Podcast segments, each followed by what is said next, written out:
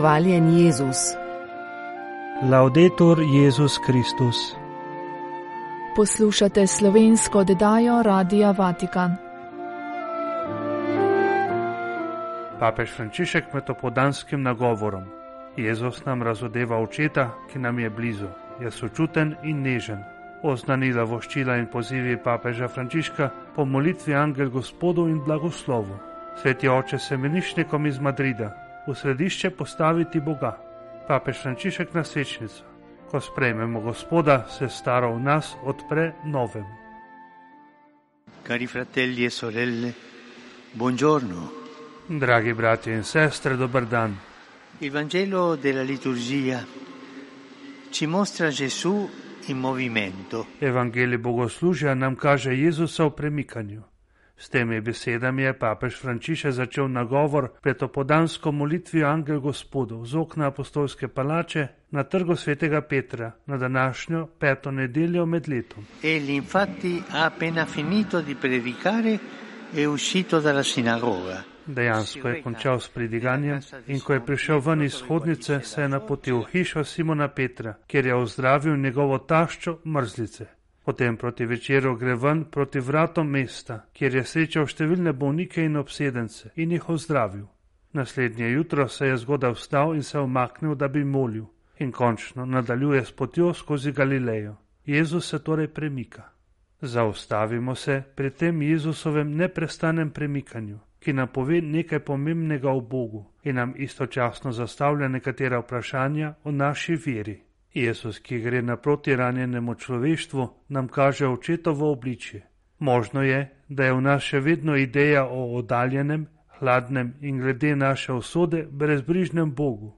Evangelij pa nam nasprotno kaže Jezusa, ki potem, ko je učil v shodnici, gre ven, da bi beseda, ki jo je učil, lahko dosegla, se dotaknila in ozdravila še druge osebe. S tem načinom nam razodeva, da Bog ni oddaljeni gospodar, ki nam govori od zgoraj. Nasprotno, je oče, ki se poln ljubezni približa, obišče naše hiše, ki hoče rešiti in osvoboditi, ozdraviti vsakašnega zla, telo in duha. Bog je vedno ob nas. Božjo držo lahko opišemo v treh besedah: bližina, sočutje in nežnost. Bog, ki postane bližnji, da bi nas spremljal, nežen, da bi nam odpustil. Tega ne pozabite. Bližina, sočutje in nežnost. To je Božja drža. Ta Jezusova nenehna hoja nas nagovarja. Vprašamo se lahko, smo odkrili obličje Boga kot očeta usmiljenja ali pa verjamemo in oznanjamo hladnega in oddaljenega Boga? Nam vera prinaša nemir poti ali pa je za nas intimistična tolažba, zaradi katere smo pri miru?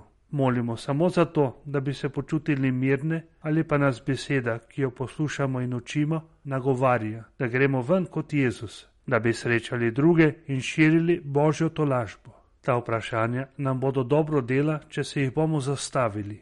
Glejmo torej Jezusovo pot in si zapomnimo, da je naše primarno duhovno delo to, da zapustimo Boga, za katerega mislimo, da ga poznamo, in se vsak dan spreobračamo k Bogu, ki nam ga Jezus predstavlja v Evangeliju kot očeta ljubezni in sočutja. Oče, ki je blizu, je sočuten in nežen. In ko bomo odkrili resnično očetovo obličje, bo naša vera zorela. Ne bomo več ostali za kristijski ali salonski kristijani ampak se bomo čutili poklicane postati prinašalci upanja in božjega ozdravljenja. Sveta Marija, žena na poti, naj nam pomaga, da bi oznanjali in pričevali Gospoda, ki je bližnji, sočuten in nežen. Benedicat vos, omnipotenteus, Pater, et Filius, et Spiritus Sanctus. Amen. Cari fratelli e sorelle, Dragi bratje in sestre, prossimo 10 febbraio in Asia orientale 10. februarja bo v vzhodni Aziji in na različnih koncih sveta na milijone družin praznovalo lunarno novo leto. Presrčno jih pozdravljam z upanjem, da bo to praznovanje priložnost za izkušnjo odnosov naklonjenosti in pozornosti, ki bodo prispevali k ustvarjanju solidarne in bratske družbe, kjer je vsak človek priznan in dobrodošel v svojem neotuljivem dostojanstvu. Medtem ko na vse kličem Gospodov blagoslov, vas vabim k molitvi za mir, po katerem hrepeni svet in ki je danes bolj kot kadarkoli, marsikje ogrožen. Ta ni odgovornost peščice, ampak celotne človeške družine. Vsi sodelujemo pri njeni izgradnji z gestami sočutja in poguma. In še naprej molimo za prebivalstvo, ki trpi zaradi vojne, zlasti v Ukrajini, Palestini in Izraelu. Danes v Italiji praznujejo dan življenja na temo Moč življenja nas preseneča.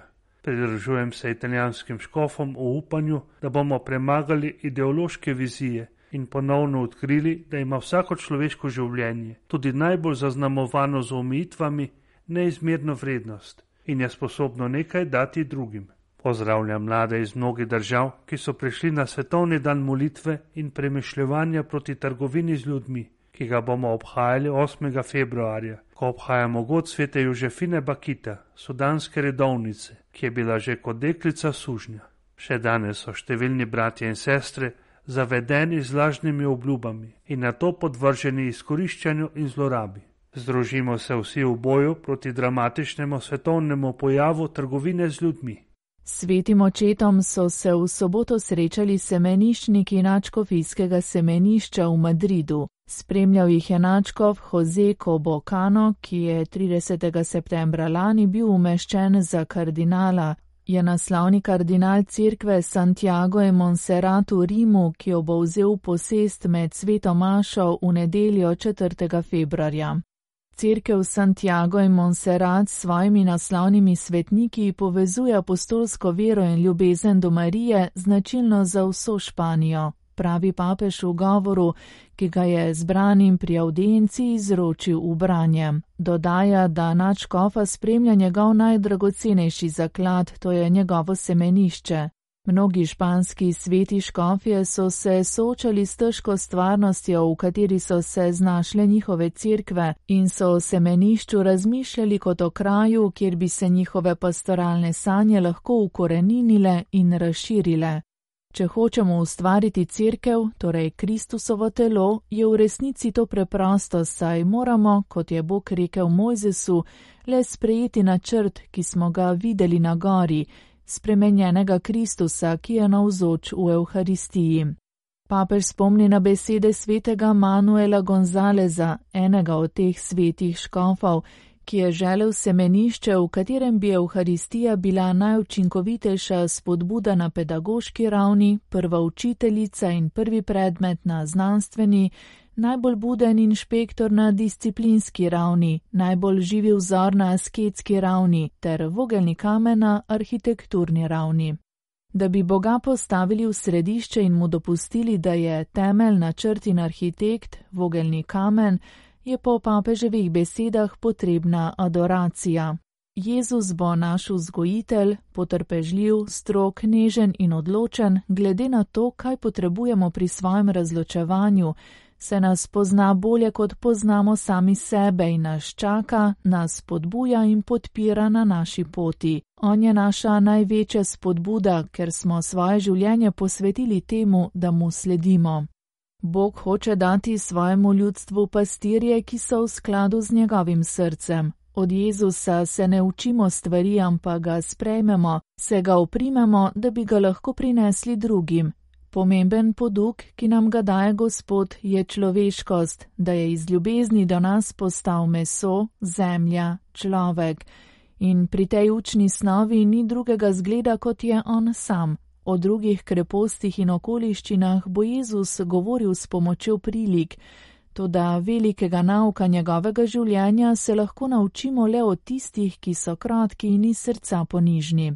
Euharistija vsako jutro spodbuja k razmisleku o jalovosti naših posvetnih idej, naših želja po uspenjanju, pojavljanju in izstopanju. Bog, ki je neizmeren, pa se popolnoma podarja in pred obhajanjem sprašuje, si se spravil s svojim bratom, ali si pripravljen vstopiti na mojo večno gostijo. Razločevanje, znanost in čuječnost so zagotovo ključni vidiki semenišča, a so nekoristni brez askeze. Kopiranje modela zahteva napor, ustvarjanje umetniškega dela zahteva navdih in tudi delo, in vsemu temu se Jezus ni izognil.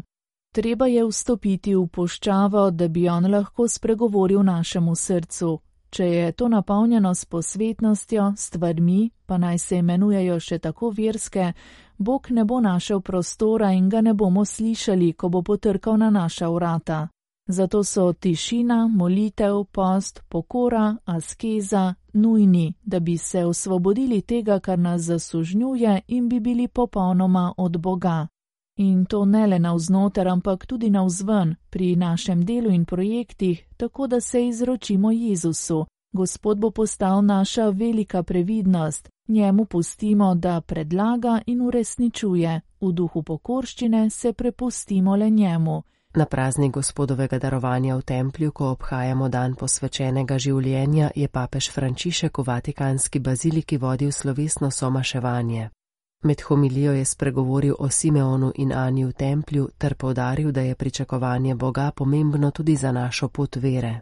Po njegovih besedah včasih izgubimo sposobnost pričakovanja in sicer predvsem zaradi dveh ovir. Prva je zanemarjanje notranjega življenja, druga pa prilagajanje slogu sveta. Poleg tega je sveti oče povabil naj tudi mi, kakor Simeon, vzamemo v naročje dete, boga novosti in presenečen. Pojasnil je, da se, kadar sprejmemo gospoda, preteklost odpre prihodnosti in staro v nas se odpre novemu, ki ga poraja gospod. Mentre il popolo attendeva la salvezza del Signore, i profeti ne annunziavano la venuta. Medtem ko je ljudstvo pričakovalo gospodovo zveličanje, so preroki napovedovali njegov prihod, kot pravi prerok Malahija. V svoje svetišče bo stopil gospod, ki ga iščete, ter angel zaveze, po katerem hrepenite. Simeon in Ana sta podoba in lik tega pričakovanja. Vidite gospoda, ki vstopa v svoj tempelj, ter ga razsvetljena svetim duhom prepoznata v detetu, ki ga Marija nosi v naročju. Vse življenje sta ga pričakovala. Simeon, pravičen in bogaboječ človek, ki je pričakoval Izraelovo tolažbo, ter Ana, ki templja ni zapuščala. Dobro je, da si ogledamo ta dva ostarela človeka, ki sta potrpežljiva v čakanju, čuječa v duhu in ustrajna v molitvi. Njuno srce je ostalo budno kot bakla, ki je vedno prižgana. Sta priletna, vendar pa imata mladostno srce, Ne dopustite, da bi ju dnevi použili, saj njune oči ostajajo obrnjene k Bogu v pričakovanju. Na življenjski poti sta doživela napore in razočaranja, vendar se nista predala malodušju. Upanja nista poslala v pokoj. In tako, ko zreta dete, prepoznata, da se je čas dopolnil, da se je prerogba uresničila. Prišel je tisti, ki so ga iskali in po katerem so hrepeneli, Mesija ljudstev. S tem, ko pričakovanje gospoda ohranjata živo, postaneta sposobna, da ga sprejmeta v novosti njegovega prihoda. Fratelli in sorelle. Bratje in sestre. L'attesa di Dio è importante anche per noi. Pričakovanje Boga je pomembno tudi za nas, za našo pot vere. Gospod nas vsak dan obiskuje, nam govori, se razodeva na nepričakovan način in ob koncu življenja ter časov bo prišel zato nas on sam spodbuja, naj ostajamo budni in čuječi, naj ustrajamo v pričakovanju. Najhujše, kar se nam lahko zgodi, je to, da zapademo v spanec duha, da uspavamo srce, anestetiziramo dušo, arhiviramo upanje v temne kotičke razočaran in sprijaznjenosti. Mislim na vas, posvečene sestre in bratje, in na dar, ki ga predstavljate. Mislim na vsakega izmed nas, kristjanov današnjega časa, ali smo še sposobni živeti pričakovanje, ali nismo včasih preveč zatopljeni vase, upeti v stvari in intenziven ritem vsakega dneva, do te mere, da pozabimo na Boga, ki vedno prihaja. Ali nismo morda preveč zaneseni nad svojimi dobrimi deli, s čimer tvegamo, da bi celo redovno in krščansko življenje spremenili v mnoge stvari, ki jih je potrebno narediti, ter opustimo vsakdanje iskanje Boga?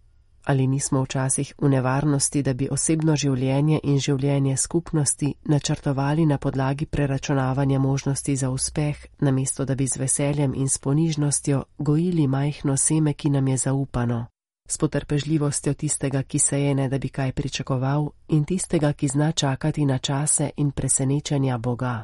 Moramo priznati, da smo včasih izgubili to sposobnost pričakovanja.